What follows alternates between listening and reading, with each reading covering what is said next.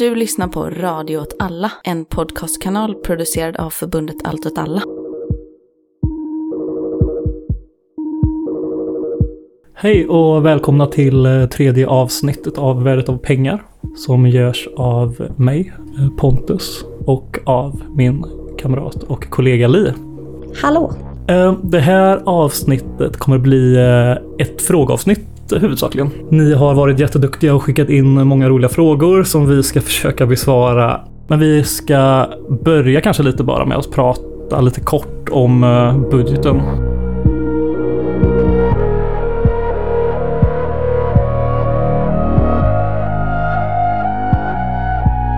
Men eh, innan vi kör igång så har vi ett stort tack som Ja. vi har eh, negligerat i två avsnitt. Precis. Vi, först och främst så vill vi tacka Felix Wickman som har gjort musiken. Som borde ha fått ett tack för länge sedan. Verkligen otroligt bra jobbat. Ja. Vi är jätte, jätteglada. Och så vill vi tacka vår producent Kalle också. Mm. För att han klipper så bra och för att han gör fin eh, grafik. Jag vet inte vad Kalle heter i efternamn. Har han ett efternamn? Han heter producent Kalle. Det är hans namn. Ja. Också säga att det här avsnittet skulle ha kommit lite tidigare men du har varit sjuk. Stämmer.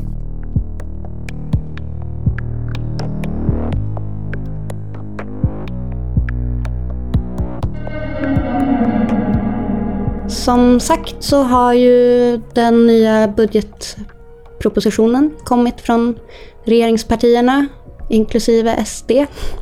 Ehm, och det, den har ju diskuterats ganska mycket såklart.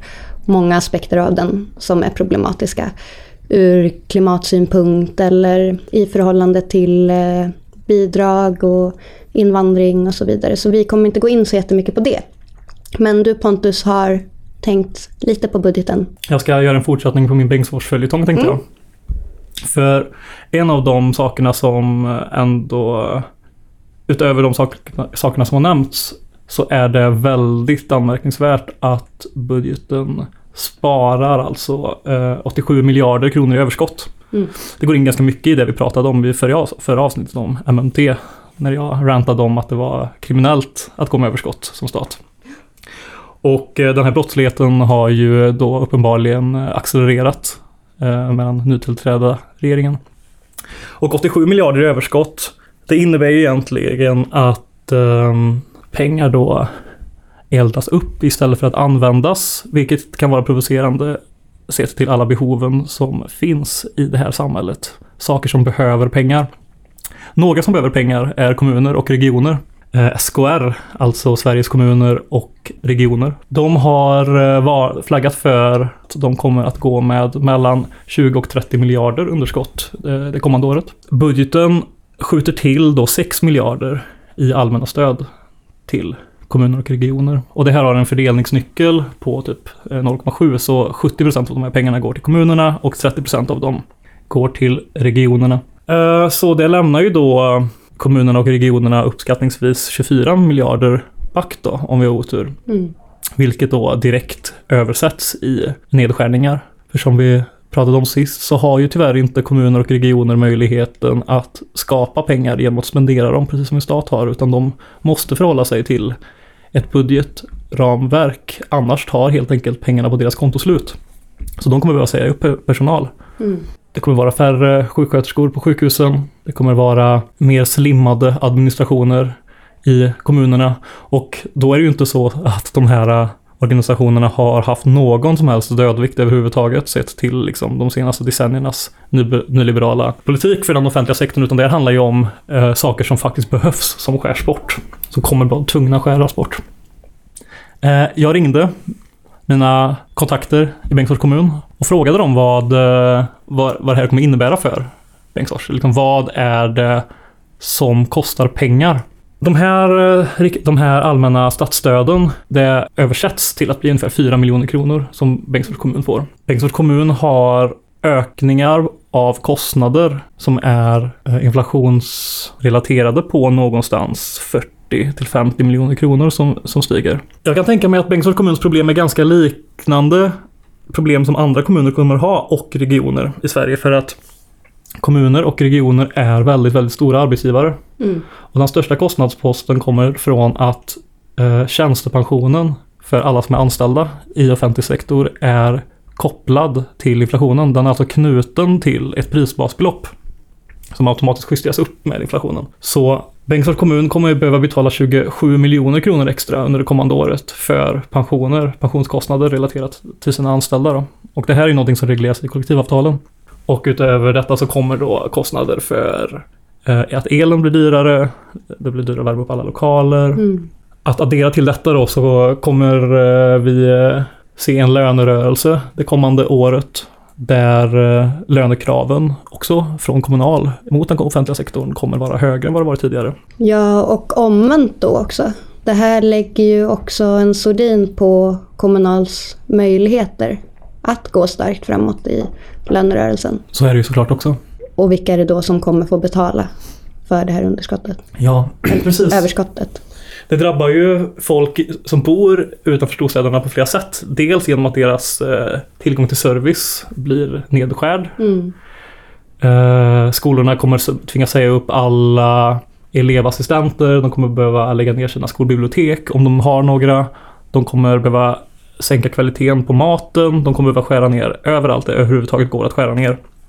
Och små kommuner i Sverige har ju varit under konstanta besparingskrav de senaste åren också. Det här är ingenting nytt. De håller ju redan på att skära ner liksom, som det är. Ja, och det är också intressant i ljuset av att man då å ena sidan går ut i budgeten och säger att man vill satsa på skolan. Det är klart man säger det, för det säger man ju alltid. Och man ska satsa på läromedel med 685 miljoner och man ska satsa på speciallärare med 400 miljoner.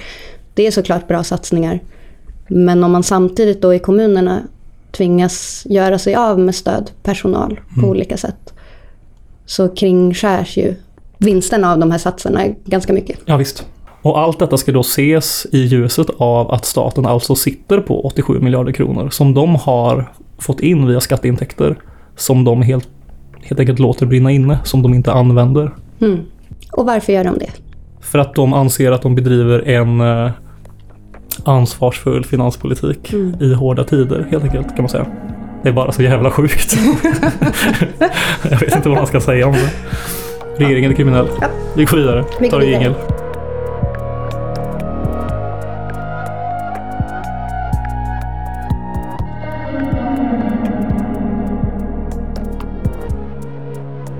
Vi har som sagt eh, tänkt oss att det här ska vara ett frågeavsnitt och som Pontus sa har vi fått in väldigt många spännande frågor och det är inte säkert att vi kommer hinna prata om alla de frågorna idag.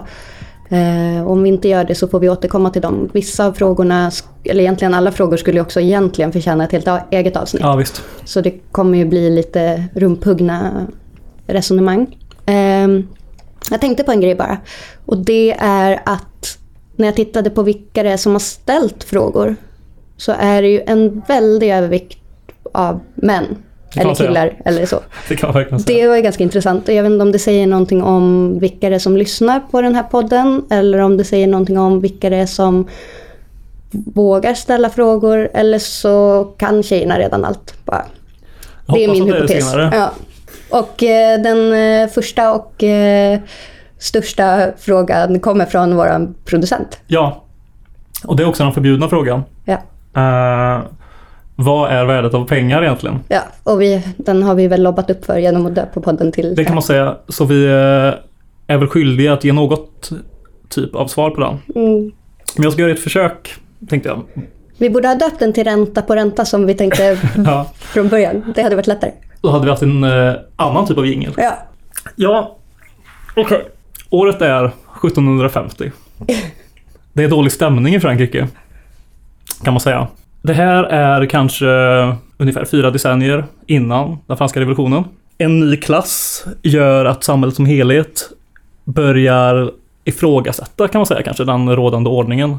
Det börjar bli svårare för aristokratin i Frankrike att komma undan med att leva så gött som de alltid har levt. Det börjar bli svårt att försvara varför en överklass ska leva på att suga ut bönder i en evig loop utan att egentligen bidra, överhuvud, bidra någonting överhuvudtaget till ekonomin. Medelklassen eller borgarna har ju liksom börjat ackumulera saker.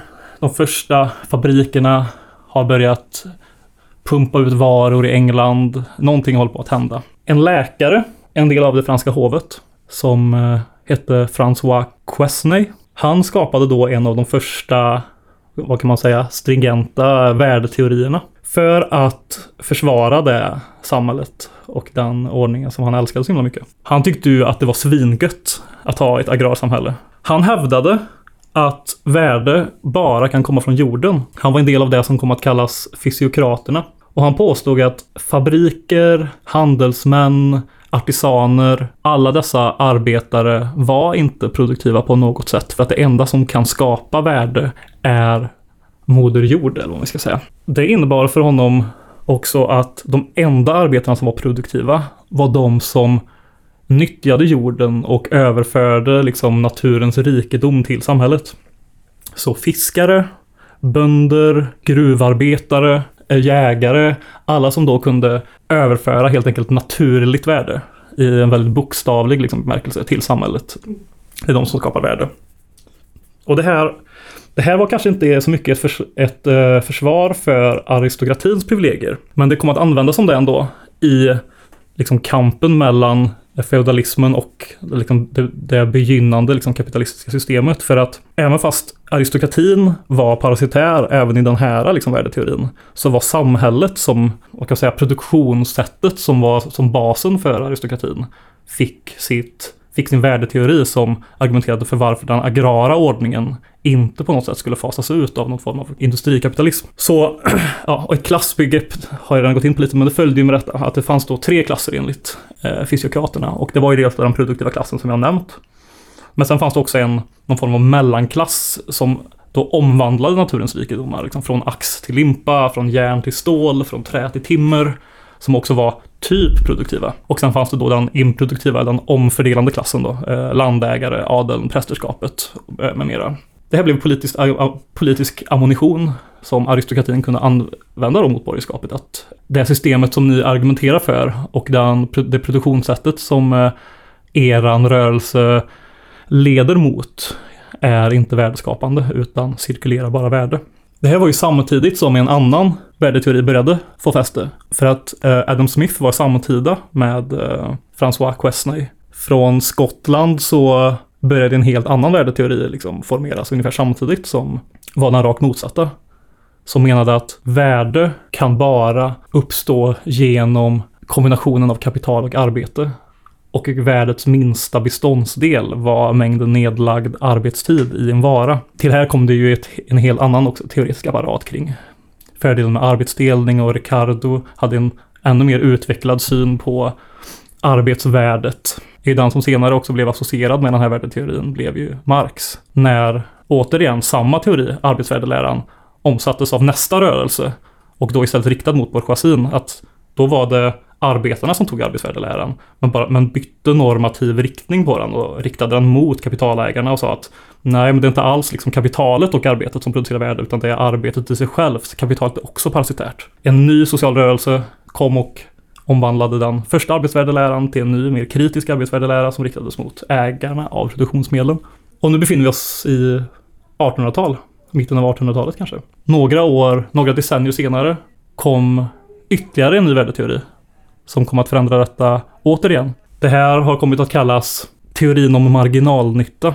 Många har argumenterat att detta var ett svar på arbetarrörelsen. Ett försvar av borgarna mot den organiserade arbetarrörelsen för att då skala av den politiska dimensionen av den värdeteorin som Ricardo Smith och sen senare Marx hade utvecklat. De nyklassiska ekonomerna, det som var då kanske embryot till vad som idag är nationalekonomi, de skapade istället en arbetsvärdelära som baserades på marknaden helt och hållet. Det fanns inget värde bortom pris menade de. Värdet bestäms av pris. Värdet av arbetskraft är priset som gör detta arbetet liksom lönsamt på marginalen. Och värdet av en vara är det pris där utbud och efterfrågan möts. Mm. Alla sociala aspekter av värde blir då uh, utraderade och klass blir liksom irrelevant här. Helt plötsligt så pratar vi inte längre om makt. Det finns ingen klassanalys som följer, det finns inget, ingen klassteori som följer från denna värdeläran. Utan den har då blivit teknisk snarare än politisk och moralisk. Den här nyklassiska värdeteorin har varit hegemonisk under hela 1900-talet. Det har varit självklart på det sättet att det är vanligt att inte tro på någon värdeteori. Eftersom detta, frågar man nationalekonomer idag så skulle de säga så här att de bryr sig inte om värdeteori säger de för att värde sätts ändå av marknaden. De hävdar liksom, den nyklassiska värdeteorin har liksom lyfts till en sån nivå att den inte längre ens anses vara en teori om värdet, den är bara helt enkelt sann. Men alla tror på någon teori om värde liksom. Och den intressanta frågan här är kanske inte vilken värdeteori är rätt. Ingen värdeteori går liksom att bevisa, de är inte falsifierbara på det sättet, utan det jag kanske syftar på här är att det här är någonting som bara handlar om politik. Att varje samhällsförändrande rörelse producerar en egen teori som den kommande sociala ordningen kommer att vila på. Och man kommer alltid tro på en teori om värdet, oavsett om man anser att man gör det eller ej. Liksom. Bryr man sig inte om värdeteori så legitimerar man den nuvarande hegemoniska värdeteorin. Som är att marknaden är den som ger saker värde. Mm. Priset och eh, utbud och efterfrågan definierar värdet i en vara och i någons arbete och så vidare. Och pengar. Och pengar. Vilket var det som var frågan. Mitt barn som snart är tre år, mm. han uh, har bara ett begrepp om pengars värde och det är 10 kronor. Oavsett vad. Jag frågar vad saker kostar. Eller mm. så. Ja, det är kanske inte pengarnas värde utan snarare sakers värde. Men han mäter det i 10 kronor alltid. Det allmänna ekvivalensmedlet. Japp. Så jag kostar 10 kronor till exempel. Ja. En rymdraket kostar 10 kronor och så vidare. Så skulle man kunna ha det. Ja. Nästa fråga.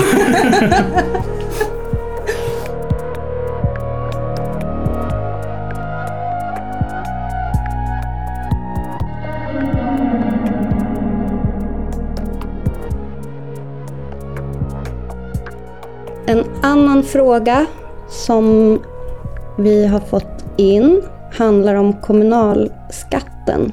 Då återknyter vi lite till det du var inne på inledningsvis med mm. Bengtsfors och så vidare. Frågan lyder varför får inte kommuner ha progressiv beskattning? Vilket ju är en intressant fråga. Jag tänkte jag kan börja med att prata lite om hur skattesystemet har utvecklats kanske. Ja, gör ehm, Men för att bara tydliggöra begreppen så innebär ju progressiv beskattning att rika betalar mer i skatt än vad fattiga gör. Inte bara i absoluta tal utan också procentuellt. Den typen av skatt har vi ju på statlig nivå idag men inte direkt i kommunerna. Kommer tillbaka till det. Men den första progressiva inkomstskatten i Sverige infördes faktiskt i början av 1800-talet på 1809-1810 års riksdag. Det gick igenom därför att de lägre klasserna ansågs utgöra ett hot mot eh, den rådande ordningen om eh, de inte fick igenom sitt krav på progressiv beskattning. De vägrade också skriva under regeringsformen eh, innan, innan riksdagen gick med på det här. Så det gjorde de. Men den progressiva beskattningen blev ganska kortlivad för att det motsvarade inte de skattebehov som kriget hade fört med sig. Plus att man precis hade förlorat Finland så skatteunderlaget hade också minskat avsevärt. Så 1810 täcktes finansieringsbehovet bara till 70 procent av inkomstskatten. Så då togs den här progressiva skatten bort redan 1812. Och det var alltså en progressiv inkomstskatt på, vad ska man säga, statlig nivå kanske. Samtidigt fanns det också en kommunal skatt som först var i form av tionden och sen 1817 erhöll socknarna beskattningsrätt och 1862 utvidgades den till alla områden som inte tillhörde statens åligganden. Mm. Så den utvecklingen löper lite parallellt med den statliga inkomstskatten. Och det man behöver komma ihåg också är att under den här tiden och ganska långt i Sveriges historia var inte inkomstskatter det som inbringade det största skatteunderlaget. Som du var inne på så var det ju också så att innan industrialiseringens genombrott så tjänade ju de flesta inte inkomst i pengar på det sätt som man gjorde eh, förut. Så mycket av det som staten samlade in gjorde man i form av skatt på konsumtion eller på varor genom tullar och andra typer av konsumtionsskatter. Senare på 1800-talet, på 1892 års riksdag, beslutade man om att en del av de här skatterna skulle tas bort och så enades man istället om att inkomstbortfallet skulle ersättas på ett sätt som belastade de mer bemedlade i samhället istället för indirekta skatter.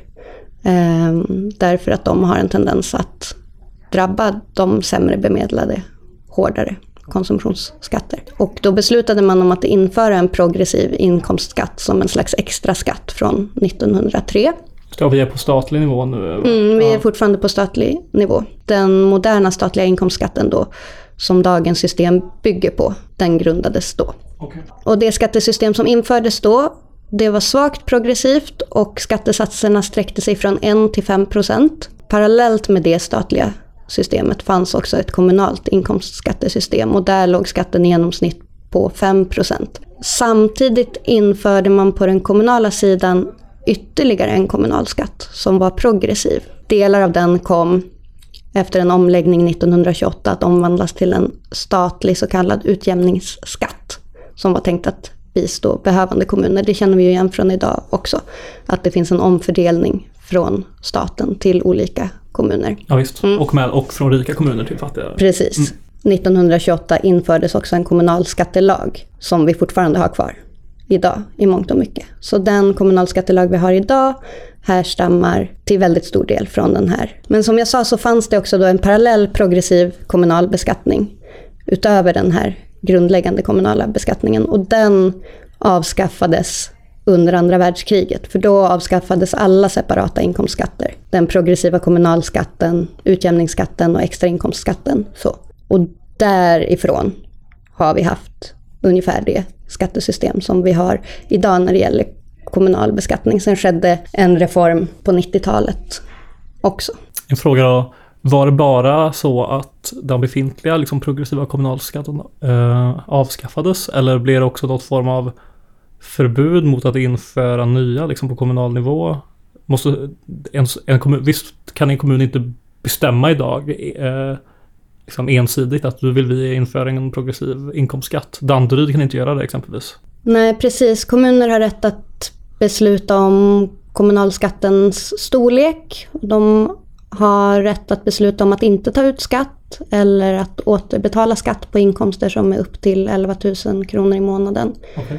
Ehm, men de har inte rätt att besluta om progressiv skatt. Och då kan man ju fråga sig varför. Eller först ska vi kanske klargöra då att vi har alltså en platt skatt i kommunen. Det betyder att alla betalar samma procent. Men sen har vi också det som heter grundskatteavdrag och det som heter jobbskatteavdrag. Precis. Som innebär att man beroende på inkomst får göra procentuellt sett större eller mindre avdrag. Som är till sin utformning progressivt. I någon mån finns det en liten progressivitet som inte har att göra med själva skatten men vilka avdrag man får göra mm, på den. Det är väl bra att komma ihåg. Kan också vara bra att säga kanske att det ser väldigt olika ut i olika länder. Hur fördelningen mellan statlig skatt och kommunal eller regional skatt är. Man kan också se att låg lokal beskattningsmakt hänger samman med två faktorer. Dels att den offentliga sektorn tenderar att vara högt centraliserad mm. i länder som inte har så mycket lokal beskattningsmakt. I länder som då har låg lokal beskattningsmakt är den lokala offentliga sektorn generellt sett liten. Så i Grekland som har väldigt, väldigt låg lokal beskattningsmakt, makt, där är den centrala andelen av de totala offentliga utgifterna 93 procent. I länder då som har hög grad av lokal beskattningsmakt så är det ju tvärtom, att den centrala andelen är väsentligen mindre. Så Kanada som har väldigt hög lokal beskattningsmakt, de har en central andel på 32 procent. Danmark på 36 och Sverige på 49. Om frågan är varför kommuner inte har progressiv beskattning eller varför har man bestämt att det ska vara så? Det främsta argumentet som brukar framföras där är att om kommunerna själva skulle ha makt att besluta om progressiviteten så skulle det leda till en liknande konkurrens och skatteflykt som redan nu finns på internationell nivå. Så det skulle bli som förhållandet mellan nationer fast inom landet. Höginkomsttagare skulle flytta till kommuner med låg progressivitet för att minska på sin skattebörda medan låginkomsttagare skulle göra det motsatta då för att få en större inkomstfördelning. Eh, och det skulle också innebära att så kallat goda skattebetalare, alltså de som då skulle bidra med mycket mm. klirr i kassan, skulle bli ännu mer eftertraktad vara för kommunerna. Och med allt vad det kan innebära av negativa Ja, följder. precis. Så det är det som brukar anföras som ett argument mot att göra kommunalskatt. Eller jag menar det finns ju också argument från högersidan som är skattedåligt, Ja. progressiv beskattning förhindrar eh, viljan att arbeta och så vidare. Men de kan vi skita i. Men det här argumentet har ju någon slags ehm, kanske relevans också Mm, ur ett, absolut. ett vänsterperspektiv. Ehm, så då, men det vi kan vara överens om ändå är ju att det finns en orättvisa i det kommunala beskattningssystemet. Som dels handlar om ojämlikhet mellan kommuner men som också handlar om att skatten inte är progressiv. Och då skulle ju en lösning kunna vara att införa en progressiv statskommunal enhetsskatt. Det skulle innebära att kostnaderna för den grundläggande servicen, eller vad man ska säga, alltså grundläggande sociala, medicinska, kulturella omvårdnadsfrågor skulle täckas genom den här skatten och fördelas ut till kommunerna från statligt håll. Då. Ett argument mot det här skulle kunna vara, alltså argumentet för en kommunal skatt är ju att det finns ett värde i autonomin, alltså möjligheten för kommuner och regioner att fatta självständiga beslut. Eh, Och det bygger ju på resonemanget att en representativ demokrati fungerar bättre ju närmare väljarna de politiska besluten fattas. Ja. Alltså att lokala företrädare bättre kan uppfatta väljarnas önskemål än vad en central regering kan. Mm. Vilket då gör det lättare för dem att eh, besluta om hur mycket skatt som ska tas in och vad den ska läggas på. För att kunna besluta om vad man ska lägga skatten på så måste man också veta hur man ska finansiera det och så vidare. Men då är det också värt att komma ihåg att en helt avgörande del av en kommunal budget ändå utgörs av sådana utgifter som är reglerade genom statliga beslut. Den kommunala självbestämmanderätten är ändå ganska starkt begränsad redan nu. Av statliga beslut, också av beslut på EU-nivå Mm. som man lätt glömmer bort. Så sen behöver man kanske ha en diskussion om vilka serviceuppgifter som ska finansieras via en enhetsskatt och om kommuner därutöver ska ha en särskild beskattningsrätt för vissa uppgifter och så vidare. Alltså allt det här skulle ju kräva en omläggning av skattesystemet eh, och utredningar och sådär. Men man skulle Men- kunna säga att eh, om man bortser från de här sakerna Ja. eh, så innebär det ändå liksom att då behöver inte längre, alltså skillnaden mellan att Dorotea har 35% eh, platt skatt Mm. och Danderyd har 27% platt skatt. Mm. Den orättvisan som hå- hårdast drabbar eh, låginkomsttagare, Mm. den orättvisan skulle då eh, upphöra då om man centraliserade liksom beskattningsrätten även i kommunerna till staten. Mm. Och att staten sen då fördelar pengarna. Så kan så kommunen blir av med sin beskattningsrätt men de har ändå möjlighet att liksom fördela pengarna i kommunen. Så skulle man kunna se det kanske också. Ja. Att, Det som är en risk med det här är förstås att staden kan vara överrepresenterad i väljarkåren för centralmakten jämfört med landsbygden. Så att det finns ju ett potentiellt politiskt problem i hur de här pengarna ehm, Fördelas. fördelas också. Så. Men ehm, det här, den här, jag tror VPK som de hette då, alltså Vänsterpartiet kommunisterna, föreslog det här med en cent, ehm, stats, ehm, kommunal enhetsskatt redan i slutet av 70-talet, 79. Men nu verkar man inte driva den frågan så mycket längre. Men det blev en diskussion i Finland nyss också.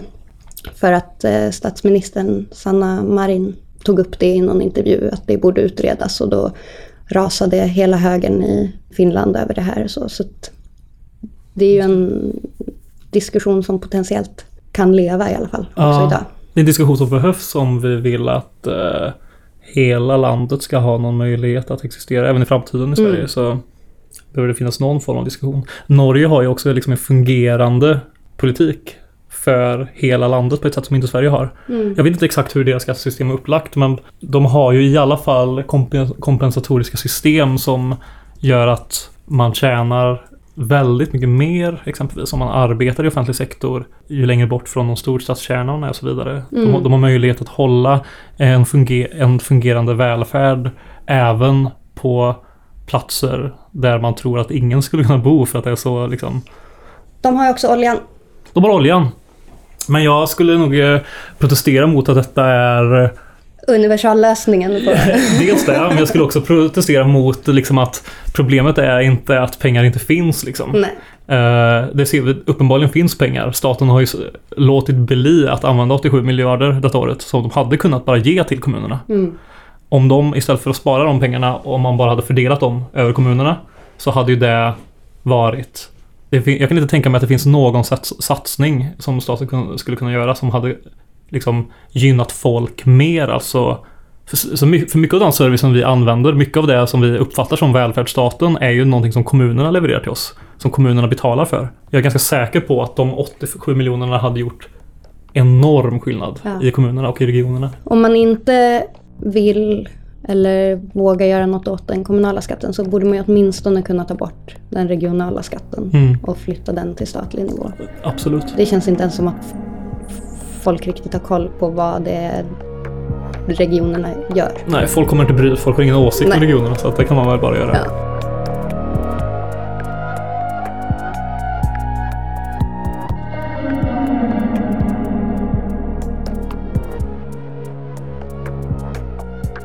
Vi fick en fråga som löd Hur ser ni på planekonomiers möjlighet och risker specifikt i kontext av saker som Project Cyberdune och senare Paul Cockshots idéer om en datorbaserad ny socialism? Mm. Eh, När jag fick den frågan så var jag först ganska negativt inställd till tanken. Inte för att jag har någonting emot planekonomi i sig, men på grund av... Att du hatar datorer. Ja, eh, det gör jag i och för sig inte heller. Men du är ju en gamer. jag är en gamer, men kombinationen av... Jag, jag läste, läste lite om Paul Cockshots. Jag läste en artikel av honom och eh, försökte liksom bilda min uppfattning om vad det egentligen är de sysslar med. Mm. Eh, jag pratade också lite med en eh, kollega som eh, är eh, ganska positivt inställd till detta ändå. Mm.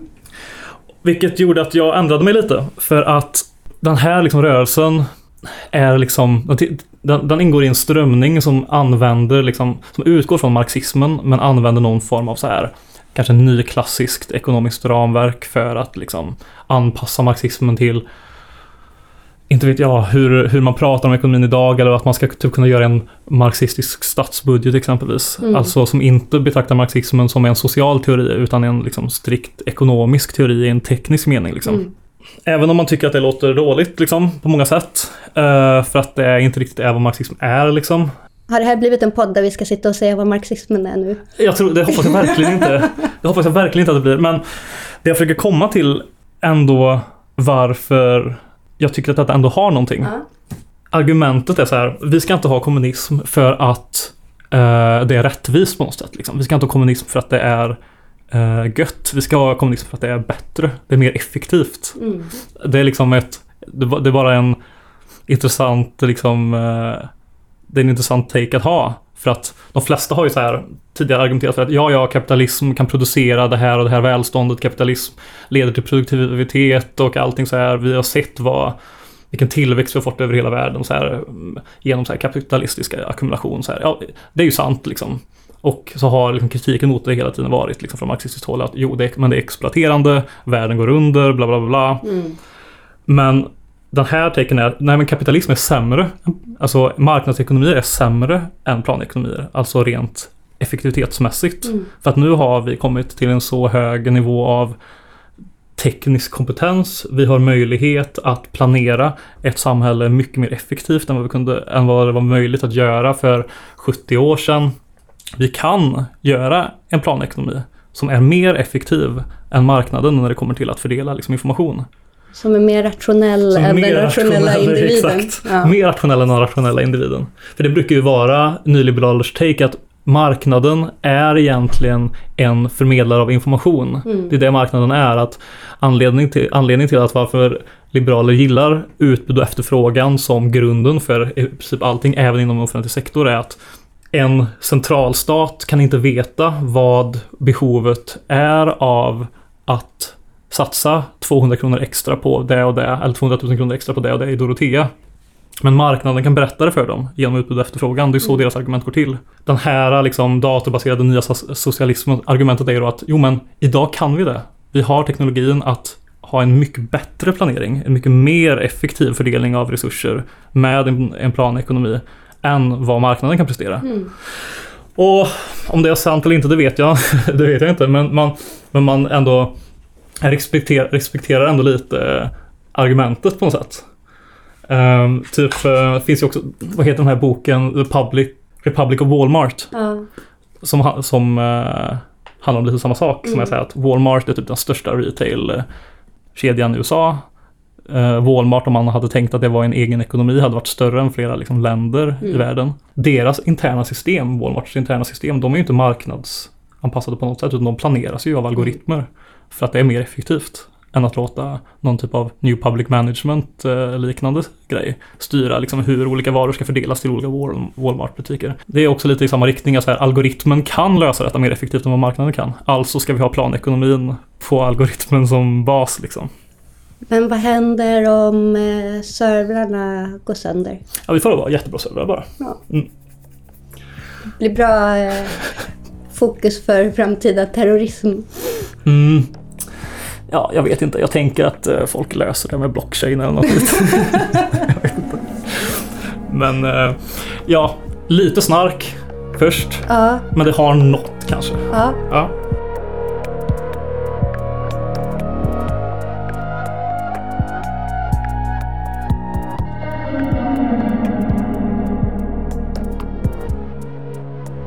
Sen har vi också fått in lite frågor som handlar om eh, klimatfrågan kan man säga. Dels, jag vill höra era takes på degrowth Mm. och dels eftersom vi vet att tillväxt går hand i hand med koldioxidutsläpp och frikoppling inte verkar fungera, vilken typ av ekonomi är rimligt att föreställa sig? Finns det några vettiga ekonomiska teorier som inte förutsätter tillväxt? Diskutera gärna kring det. Tack. Först och främst så ska jag, eller vi väl brasklappa om att det här inte är våran kompetens. Egentligen. Ehm, Det finns andra som skulle kunna svara på den här frågan mycket, mycket bättre. Och i min genomgång av det här ehm, så kommer jag också luta mig ganska mycket på Rickard Hjort Wallenius senaste bok Klimatet, tillväxten och kapitalismen. Också lite på um, Ståle Holgersens bok Krisernas tid och så vidare.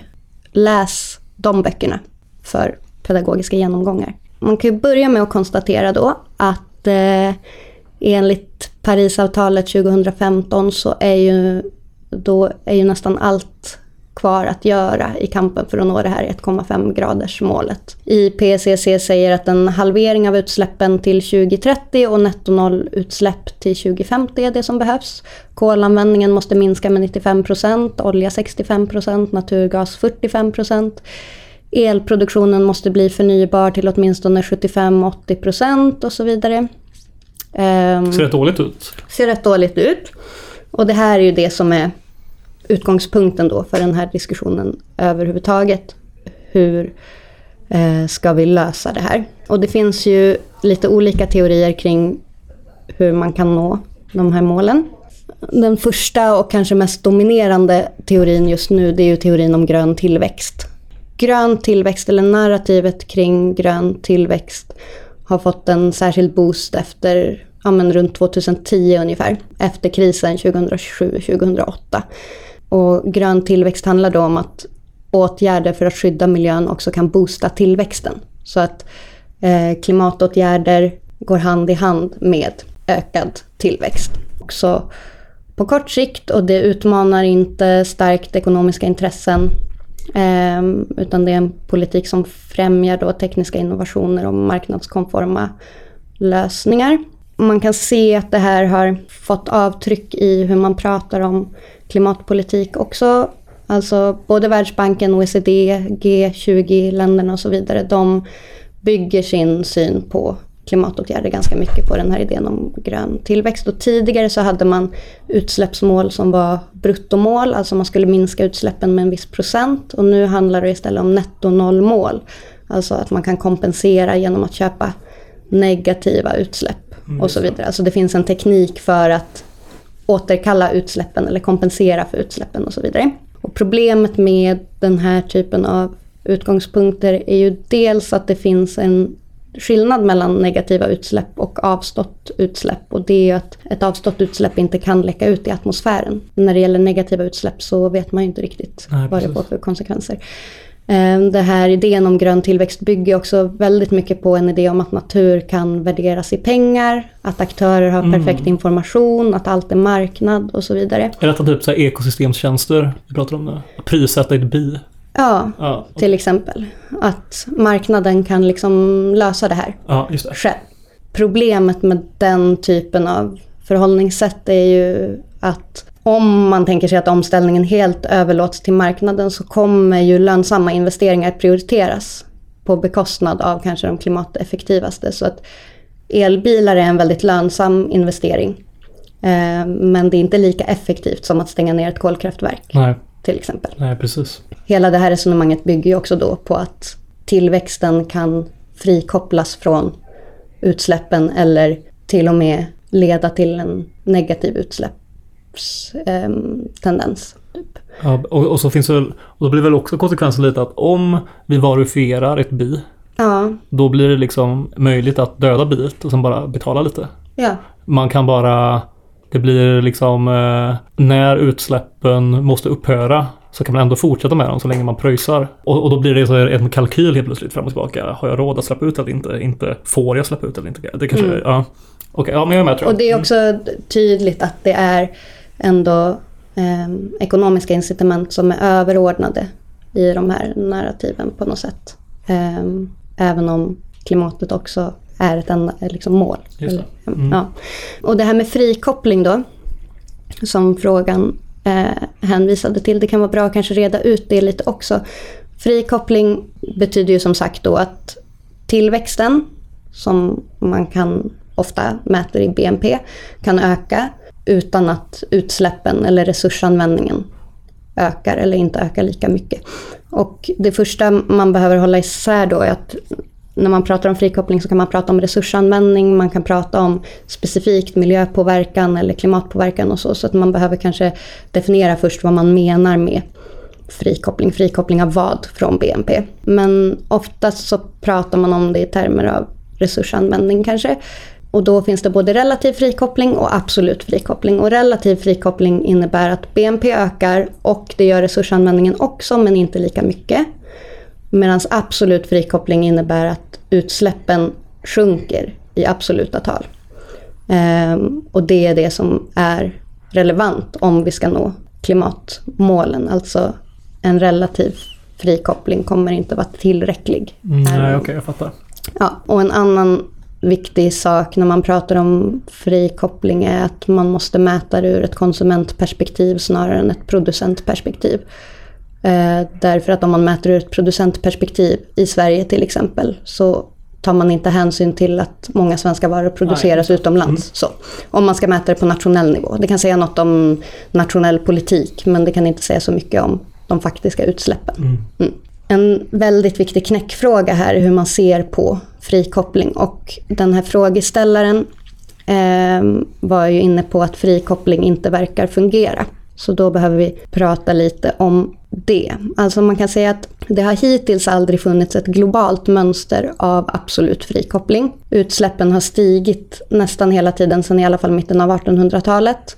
Men de har inte stigit lika snabbt som BNP. Så man kan säga att normalläget på global nivå har varit den här relativa frikopplingen. Man kan säga att en global tillväxt på drygt 2% per år skulle kräva en absolut frikoppling på 9% för att vi skulle kunna nå klimatmålen. Om vi skulle ha en nolltillväxt, alltså en helt stagnerad världsekonomi, då skulle vi behöva en frikoppling på 7% för att nå. För att försöka förklara också problemen med frikoppling, eller två viktiga Ehm, teoretiska utgångspunkter. För att förstå det här så finns det dels ett begrepp som heter miljökutsnetkurvan. och dels ett begrepp som heter Jevons paradox. Och miljökutsnetkurvan förutser att ju högre BNP ett land har, desto lägre miljöpåverkan kommer det att få. Så ju mer industrialiserade länder blir, eh, desto mer sjunker deras utsläpp känns Helt ju inte enkelt. helt in- intuitivt varför det skulle vara så. Nej, det har att göra med att eh, eh, resursanvändningen blir effektivare och effektivare. Vilket, Okej. vilket också ligger i, vad ska man säga, kapitalismens natur. Man vill effektivisera energi, kostar mycket, så man vill använda så lite energi som möjligt i produktionen för att ehm, det ska bli billigare. När det gäller utsläppen av koldioxid så har en vändpunkt också inträffat i de flesta tidigt industrialiserade länderna, åtminstone om man mäter det som territoriella utsläpp. Eh, men den minskningen är ändå för liten för att nå Okej. Mm. hoppen, eh, eh, för att nå miljömålen. Men när det gäller vissa länder så verkar det faktiskt finnas tendenser för den här typen av kustnät-liknande kurvor. En snubbe som heter Seke Housefather, jättebra namn, vid Breakthrough Institute, han har hittat 32 länder som har haft absolut frikoppling mellan 2005 och 2019 och då inte bara territoriellt utan också mätt ur konsumtionsperspektiv som vi var inne på förut. Så att på vissa ställen finns den här typen av tendenser men inte globalt idag. Då kommer vi till den andra teoretiska utgångspunkten, Jevons paradox, som säger att teknisk utveckling som ökar resursproduktiviteten kommer inte leda till motsvarande minskning av resursförbrukningen. Initialt kommer det göra det, eh, men på sikt kommer det öka den totala energianvändningen. Säg att du förbrukar mindre energi när du kör en bil. Då kommer du kanske köra bilen mer Ja, än vad du hade gjort tidigare Mm, absolut. eh, ur ett individperspektiv och för producenter följer samma logik. Vilket hänger ihop med kapitalismens inneboende tendens till konstant ackumulering Ja, och det. Så det, profitmaximeringen. så det blir mer effektivt klimatmässigt att producera per eh, vara. Ja. Men det upphävs genom att man istället producerar mer. Ja. att, mm. Enkelt uttryckt. Så. Okej, och då kommer vi till det som kallas för nedväxt istället, eller degrowth. Man kan säga att den traditionen egentligen eh, redan de gamla ekonomigubbarna, alltså Adam Smith, David Ricardo, John Stuart Mill, Karl Marx och så vidare, eh, föreställde sig ju att världen någon gång, världsekonomin kommer hamna i ett stationärt tillstånd därför att resurserna inte är oändliga. Mm, det. Om man tänker sig att vi har ändliga resurser så är det svårt att samtidigt tänka sig en oändlig tillväxt. När det gäller det här eh, mer samtida nedväxtparadigmet så fanns det dels en diskussion på 70-talet om det här. Dels en rapport som släpptes 1972 som hette Tillväxtens gränser som aktualiserade det här problemet men diskuterade det inom ramarna för kapitalismen och så vidare. En snubbe som hette Herman Daly som eh, skrev en teori om steady state economics eh, där han resonerade kring hur utsläppsrätter, inkomstreglering och reglering av barnafödande skulle kunna eh, reducera Mm. utsläppen. Den sista punkten känns misstänkt likt fascism. Den sista punkten är ju också ett krux för nedväxtteorier därför att ett argument för tillväxt är att om vi vill behålla samma välståndsnivå som idag eh, och vi tänker oss att världens befolkning hela tiden ökar. Säg att eh, med den nu prognostiserade befolkningsökningen på 0,8 procent per år så krävs det också en tillväxt på 0,8 procent för att hålla välståndet per person konstant. Liksom. Ja. Eh, Så att nolltillväxt innebär ju då ett något sjunkande genomsnittligt välstånd inom dagens ekonomiska system.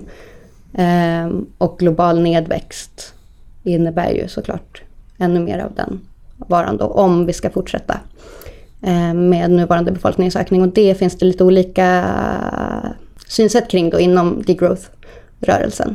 Där vissa föreslår någon slags reglering av barnafödande. Jag tror Herman Daly, eh, hans förslag var att barnafödsrätter, alltså på samma sätt som utsläppsrätter. Man får 2,1 barn per person och vill man ha fler barn så kan man köpa andelar av eller skänka andelar till andra.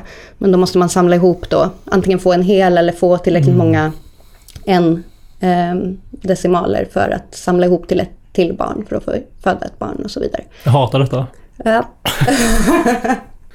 det är steady state economics Ja. i alla fall, som handlar om att uppnå en, en, eh, ett stationärt tillstånd. Då. Alltså ekonomin ska inte växa. Det här nya degrowth-paradigmet, det här var ju på 70-talet. Sen Eh, 2009 släpptes en eh, rapport av Tim Jackson som hette Prosperity Without Growth. Eh, som hade, han gjorde på uppdrag av brittiska Sustainable Development Commission. Och där sa han att Ja, förväntad livslängd, barnadödlighet, god hälsa och utbildningsnivå. Det hänger visserligen samman trendmässigt med BNP per capita, men bara upp till drygt 5 000 dollar i köpkraftskorrigerad BNP. Och därefter är nyttan av ytterligare inkomstökning starkt avtagande. Och för att jämföra då så låg Sveriges BNP per capita det året på ungefär 38 900 dollar. Så att hans tes är att vi behöver betydligt mindre än vad vi har idag. Men det som är knepigt här är hur man ska knäcka kapitalismens ständiga profitjakt. Och Jacksons tes då var att nedväxt är förenligt med kapitalism men det kräver övertygelse. Okej, men från det så har det då växt fram en nedväxtparadigm. Eh, framförallt är det starkt i Barcelona. Eh, en central gestalt där är Georgios Kallis som är professor i ekologisk ekonomi. De här nedväxtanhängarna, de är mer pessimistiska när det kommer till den här idén om frikoppling. Kallis till exempel säger att utsläppen i relation till BNP kan inte sjunka med mer än 4% per år. Enligt de mest optimistiska eh, beräkningarna som de då har gjort utifrån olika policyförslag. Eh, medan 1,5 gradersmålet kräver 10% Om vi då tänker oss att man kan frikoppla 4% då behöver BNP minska med drygt 3% per år för att vi ska kunna nå klimatmålen. Just det, ungefär eh, coronapandemi-storlek av recession Exakt. årligen. Exakt, Ja. och då behöver det återupprepas varje år i 30 Ja. år. Om man tänker sig som vissa att det inte räcker med eh, den här utsläppsminskningen utan vi behöver 7% årlig utsläppsminskning. Då skulle BM, global BNP behöva minska med 61% efter 30 år. Och det skulle betyda 3 500 dollar per capita i ett helt rättvist scenario. Det skulle betyda att eh, alla skulle hamna på nivån för länder som Kenya eller Bangladesh. Så för en snittsvensk skulle det innebära då en minskning med 93% i välståndet. Typ. Över en 30-årsperiod liksom. Det, är där vi hamnar efter, efter 30 år. Ja, Mm. okej. Det är liksom, inom degrowth-rörelsen så finns det olika uppskattningar av hur mycket, hur mycket som måste till. Vissa, till exempel Jason Hickel, menar att 1,5 målet är kört. Vi kan inte nå det. Det, skulle, det är liksom omöjligt, men tvågradersmålet kan nästan klaras av med hjälp av frikoppling under förutsättning att ekonomin inte växer. Okej. Då måste den vara stationär, men för det globala nord måste det till nedväxt. Om man också tar in rättviseaspekten i det hela, att globala syd också måste ha, få möjligheten att eh, ha någon välstånd överhuvudtaget, Mm. så är det ju inte orealistiskt att vi behöver minska vår tillväxt eh, med eh, 80% här liksom. Att, om det nu är det som krävs liksom. Men det är en svår... eh, Det är, ju, det är ju någonting som är ganska svårt att gå till val på kan man säga. Det är jättesvårt att gå till val på och det här är ju den kanske största knäckfrågan. Är det här möjligt inom ramarna för vårt nuvarande kapitalistiska system? Om man tänker sig att kapitalismen normalt ökar energianvändningen dels på grund av en absolut ökning av produktionsfaktorer för att energianvändning är en och dels för att man har en konstant produktivitetstillväxt som består i att öka arbetskraftens mervärdesproduktion genom att använda mer och mer maskiner i produktionen, så kräver det också energi och så vidare. Under allt det här ligger liksom inbyggt i kapitalismen att kapitalismen drivs av kapitalackumulation och växande profiter.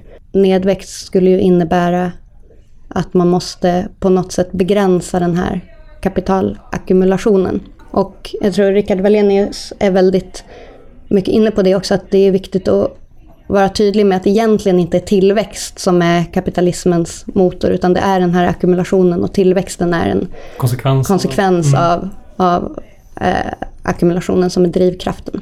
Och det är ju det som är knepigt då. Så Kan man säga till eh, den globala kapitalistklassen att nu kommer ni inte längre få ackumulera. Liksom. Just det. Och är det Ehm. fortfarande kapitalism om vi lyckas säga det till dem? Nej, det är precis. Ja. Vissa av de här degrowth-personerna som föreslår nedväxt mm, inom kapitalismen pratar kanske egentligen inte om ett kapitalistiskt samhälle i praktiken. Så. Nej, det är väl så. Det påminner lite tycker jag om diskussionen om medborgarlön som är lite så här.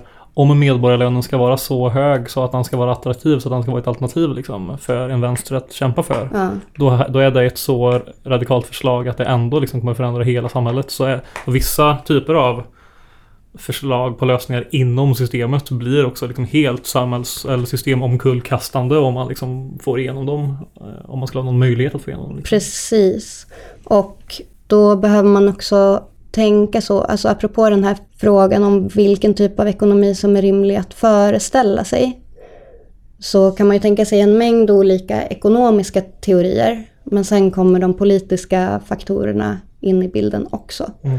Eh, rent ekonomiskt och rent klimatmässigt så skulle, tänker jag, det här är min take, Ja. Ehm, så skulle det ju, det mest effektiva skulle ju helt enkelt vara en omläggning från kapitalism till socialism. Och eh, planekonomi kanske med hjälp av datorer då. Ehm, alltså hel, en helt Ja. annan typ av samhällssystem. ja. Frågan är, är det möjligt att tänka sig inom ramarna för den korta, korta, korta tid vi har kvar? Innan de här målen måste vara uppnådda. Och det, eh, alltså, Rickard Wallenius take är att han inte tror att det är möjligt i bemärkelsen det är inte rimligt att tänka sig att det kommer komma en revolution som ställer allt på ända. Däremot måste vi röra oss i den riktningen, kanske. Alltså det är det som är lite komplext också, för att då, det, det, det man säger då är att tillväxten är nödvändig på kort sikt och den är omöjlig på lång sikt på något sätt. Eh, och hur ska vi förena de två perspektiven och i vilken takt? Alltså Tänker du att den är nödvändig på kort sikt på sättet att... rent politiskt. Ja, rent politiskt, exakt. Rent ja. politiskt. Ja, precis. Ehm, Det är supersvårt. Det är liksom den stora frågan för våran tid. Så vi kanske inte ska stressa upp oss över att vi inte kan eh, leverera lösningen med L på den frågan. Men det är ju liksom en fråga som är så svår att lösa så att det känns som att de flesta bara låter bli att tänka på den. Ja, och det som är det lättaste är att tänka, okej vi behöver en realistisk klimatpolitik och det mest realistiska är ju förstås att inte göra någonting alls. Mm.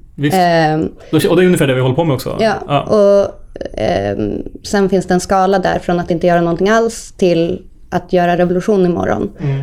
Det man kan säga är att vi måste ju ha en plan, eller det kommer behövas konfrontationer med kapitalägarna. Det kommer framförallt behövas konfrontationer med fossilkapitalet och de konfrontationerna kommer behöva komma ganska snabbt. Eh, Och då behöver vi ha en plan för vad vi gör när profit och ägande ställer sig i vägen, som Ståle Holgersen uttrycker det. Mm. Och det kommer behövas ganska drastiska lösningar. Vi måste förstöra fossilindustrin. Alltså den måste bort. Mm. Och första steget är att sluta subventionera den och andra steget är att börja förbjuda den. Ja. Sen tar vi det från där. Ja, precis. vi, vi kan börja där. Vi kan börja där och det du var inne på tidigare med Green New Deal. Ja. Det är ju något slags, i sina mest radikala former, det finns ju massa olika förslag på Ja. Green Deal. Sina mest radikala former så är ju det något sätt att försöka påbörja en väg mot det här genom att staten går in och tar över kontrollen över viktiga industrier och så.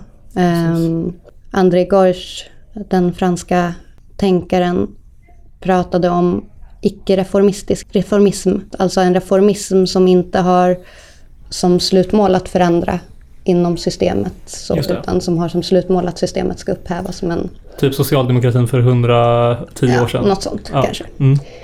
Eh, men jag är ju ingen, jag är ingen, jag är ingen klimatexpert och jag är ingen eh, humanekolog eller så. Nej. Så att jag kan inte komma... Inte jag heller. Nej. Eh, så att det är en svår fråga. Det är väl svaret. Det var ett bra Någon- svar. Ja, någonting måste vi göra. Någonting måste vi göra.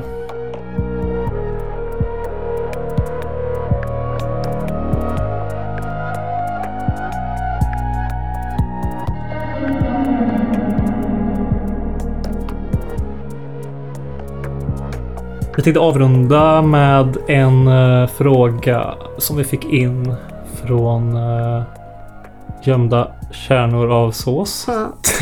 Jag har inte sagt vem som har ställt de Nej. andra frågorna. Det har vi inte gjort och det kanske är en... Uh, det kanske, alla kanske inte vill att man säger Ja, det precis. Eh, vi kan ju säga också att nu har vi alltså bara gått igenom några få av de här Ja. frågorna. Det blir så mycket...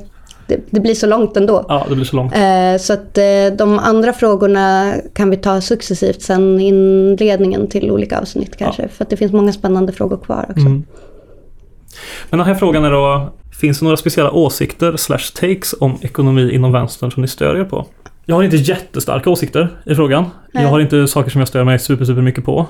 Eh, däremot så, en liten take jag har, som jag brukar tänka på ibland, folk som kanske tillhör en lite mer eh, allmän vänster eller Vänsterpartiet vänster som pratar väldigt mycket om ägandet Mm. som, som eh, lägger mycket fokus på liksom att om staten hade ägt saker eller om vi gemensamt hade ägt dem liksom via staten som förvaltare så hade många av problemen i samhället eh, kunnat lösas och samhället hade varit bättre på många sätt. Och det är väl liksom inte fel. Eh, Men jag tycker att... Oj, jag tappade den på den här. Eh, det, det är väl en helt rimlig sak att argumentera för. eh, verkligen. Men jag har alltid känt så himla starkt att problemet är marknaden.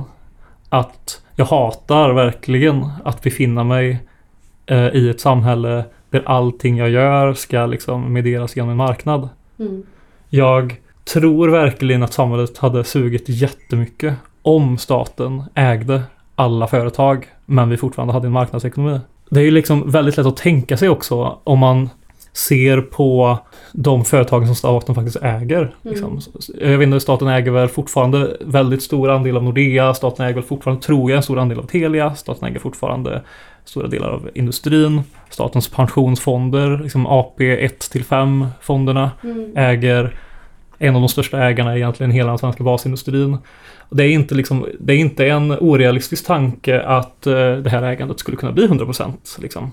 Och om löntagarfonden hade gått igenom så hade det antagligen varit så också. Om, fast det hade kanske varit fackföreningarna som hade administrerat företagen då istället för staten. Men hur mycket hade det förändrat? Jo, det hade ju liksom gjort att eh, det hade varit svårare att spekulera på fastigheter liksom. Och vinsterna från produktionen hade kommit tillbaka till det gemensamma istället för att gå till eh, en, en eh, klass av kapitalägare. Det hade såklart varit bra. Men det som jag tycker är alienerande med samhället är liksom att, att allting är marknad.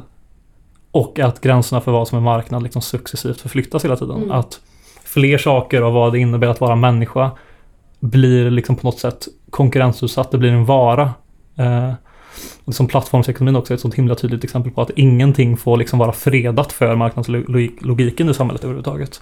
Så, så jag känner liksom väl, personligen tycker jag verkligen att det en vänster borde hålla på med är att liksom slåss vid gränsdragningen för marknaden liksom. Mm. Att försöka undanta så många saker som möjligt för marknadens logik. Att det ska liksom inte vara, det ska liksom inte, saker och ting ska inte vara varor bara liksom. Mm. Kan vi inte bara få, kan vi inte bara få eh, kan vi, kan vi inte få slippa liksom? Det är bara, det är bara den subjektiva känslan att jag bara tycker, jag bara hatar det. Jag Ja, men också apropå det här att klimatet och miljön ja, ska vara varifierade, mm, ja, precis. Det är ju kanske ett av de mest liksom eh, provocerande. Ja, det är så himla grovt liksom att det är ekosystemstjänster som går ut på att vi ska ha äganderätt.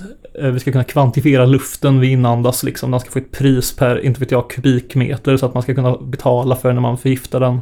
Vattnet ska inhägnas så att man ska behöva betala för när man försurar det. Biernas pollinering ska verifieras så att man ska kunna köpa liksom, och sälja värdet av en pollinering på en marknad. Det är liksom och det går så himla tydligt i också tangentens riktning för vart det här samhället är på väg också. Det som- finns ju också någonting där i em, den här diskussionen om reproduktivt arbete Mm. som är jätteviktig. Det vill säga att uppmärksamma att det man gör i hemmet, företrädesvis kvinnor, är en form av obetalt arbete och så vidare.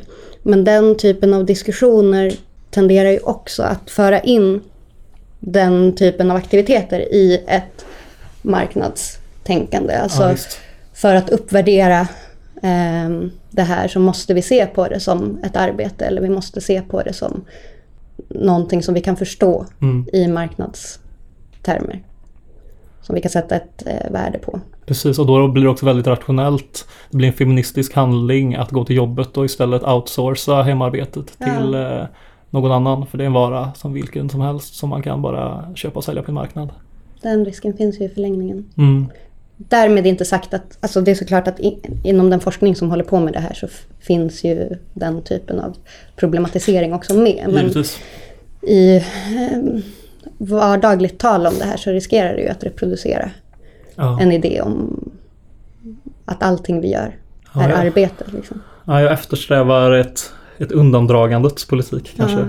Jag vill inte tänka på fördelning, jag vill inte tänka på ägande så mycket. Jag vill, bara att, jag vill bara att allting som har ett pris ska försvinna. Eller att jag vill inte att saker ska ha ett pris bara. Eh, Nej. Så det, men det, min- det är min åsikt. Det var min take. Ja, min take kanske är lite mer, eh, mindre genomgripande. Men en sak är kanske ointresset för ekonomisk politik på annat än nationell nivå. Och det har ju dels att göra med kommunnivå förstås, men och kanske i ännu högre utsträckning eh, EU-nivå. Och nu pratar jag också kanske mer om, vad ska man säga, i vardagspolitiska sammanhang än i...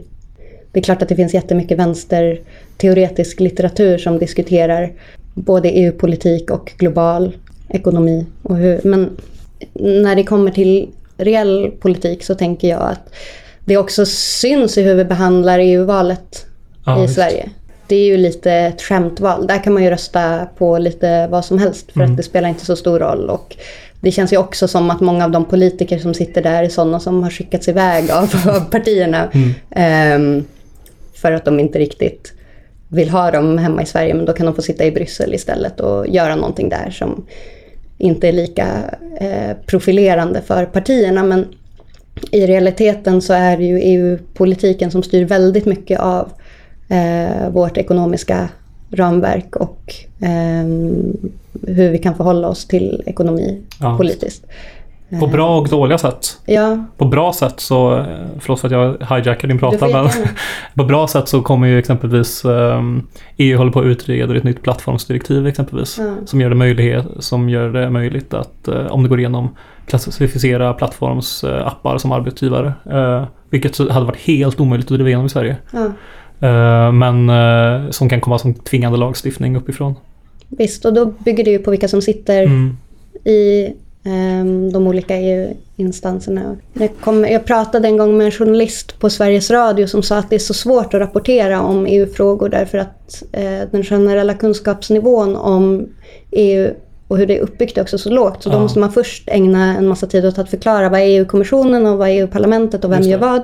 Och sen är tiden för inslaget slut liksom. Ja. Så då får man släppa det. Ja. Ehm, men, ehm, men det finns, jag tänker också att ehm, vi fick en fråga om moms också som jag tänker att vi kommer ta i ett senare avsnitt. Men moms är också en sån sak som är reglerad enligt EU-direktiv. Så Sverige kan inte bestämma sig för att ta bort momsen själva utan det behöver finnas moms reglerat enligt EU. Okej, det visste jag inte. Det är, det är ju ganska sjukt ändå för att det har ju ändå funnits någon form av så här eh, autonomi när det gäller beskattning liksom. Ja. Det, ja. Man kan välja att ehm, sänka nivåer på olika sätt för enskilda varor och sådär. Men det finns en, en bas som är beslutad om i hela EU som Okej. gäller i Sverige då, sen Sverige gick med i EU 94. Men det kommer vi komma tillbaka till sen, men det är också ett exempel på det här. Så det är en sån sak som jag tänker att vänstern, vad ska man säga, realpolitiskt borde ägna sig Mm. mer åt. Och i det ingår också frihandelsavtal som är min hjärtefråga. Som Ja. också är en sån sak som reglerar väldigt mycket av eh, vår ekonomiska tillvaro på olika sätt. Men som är ganska tekniskt och krångligt. Mm. Ehm, Men man kan väl ta ett exempel. En sån konsekvens är väl om vi hade velat avskaffa det fria skolvalet exempelvis. Ja. Om vi hade förbjudit, det här kan ju du såklart eh, på riktigt till skillnad från jag som eh, skjuter från höften nu, men är det inte så att om vi hade förbjudit eh, företag från att göra vinst i eh, skolan så hade staten varit tvungen att betala friskolekoncerner för den vinsten de hade planerat att göra i framtiden som de inte längre kan göra på grund av politiska beslut. I eh, linje med de här Investor State Dispute ja. Settlement-klausulerna. Ja, om det är en friskolekoncern som ägs ehm, som har sin bas i ett annat land som har ett handelsavtal med Sverige där den här typen av klausul finns inskriven så skulle de kunna göra det till exempel. Så det är liksom, vi måste helt enkelt om vi tycker att det är dåligt att vissa företag gör vinst på det offentliga Ja. så måste vi ändå betala företagen för den vinsten de hade gjort om vi förbjuder det. Liksom. Ja. Ja, det, det är liksom dystopiskt dåligt liksom. Ja, Ehm, och på samma sätt vet du, heter det Allbo-lagen som EU också eh, har eh, å- tvingat på oss som förbjuder allmännyttan att fungera som en allmännytta. Som tvingar alltså de allmännyttiga bostadsbolagen att agera på marknadsmässiga premisser. ja, Som kommer 2010 kanske. Som gör att allmännyttan inte kan bygga och förvalta bostäder efter behov utan måste agera och bygga på samma finansieringshorisonter med samma liksom, prissättning som eh, privata konkurrenter. Annars eh, är det olagligt. det finns en massa exempel. Järnvägen också. I EUs järnvägspaket när man har diskuterat om har man använt Sverige som någon slags förebild när det kommer till avreglering. eh, Var man ska sätta liksom miniminivån för hur mycket som får vara statligt ägt och hur mycket som ska avregleras och så vidare. Det där sätter ju också käppar i hjulen förstås. Ja. Om vi vill återförstatliga järnväg och så vidare. Ah, ja. Det här är ju kanske inte heller några nyheter för många i vänstern men det är inte heller så jätteframträdande i diskussionen alltid om ekonomisk politik. Vad de konkreta besluten i parlamenten har för konsekvenser. Liksom. Mm. Men det, ja, jag vet inte, det är bara så. eh, Allting är så jävla sinnessjukt bara. Och det, var så svårt att tänka sig liksom att när det, går inte, när det inte går att göra någonting åt de här sakerna liksom. eh, hur, hur ska vi kunna göra någonting åt klimatfrågan? Det känns Ja. liksom bara ganska deppigt. Ja, vilket deppigt avsnitt det här Mm. blev. Eh, men eh, planekonomi eh, med datorers hjälp, det kan funka. Ja, Det går ju det, det kanske det funkar ju för, ehm, för Walmart uppenbarligen. Så, Och som vi vet är det till de stora företagen vi ska vända oss Mm. för inspiration. när kapitalet får välja, då väljer de planekonomi. Tack för oss. Tack för oss.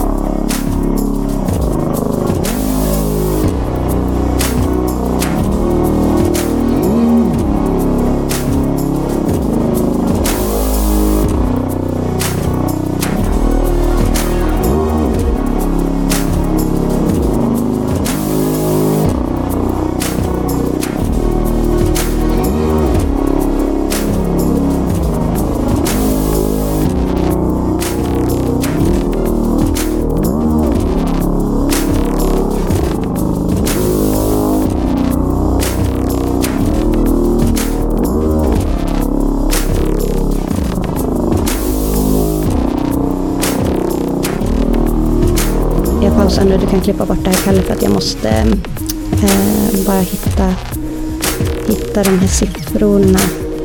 Var hade jag dem?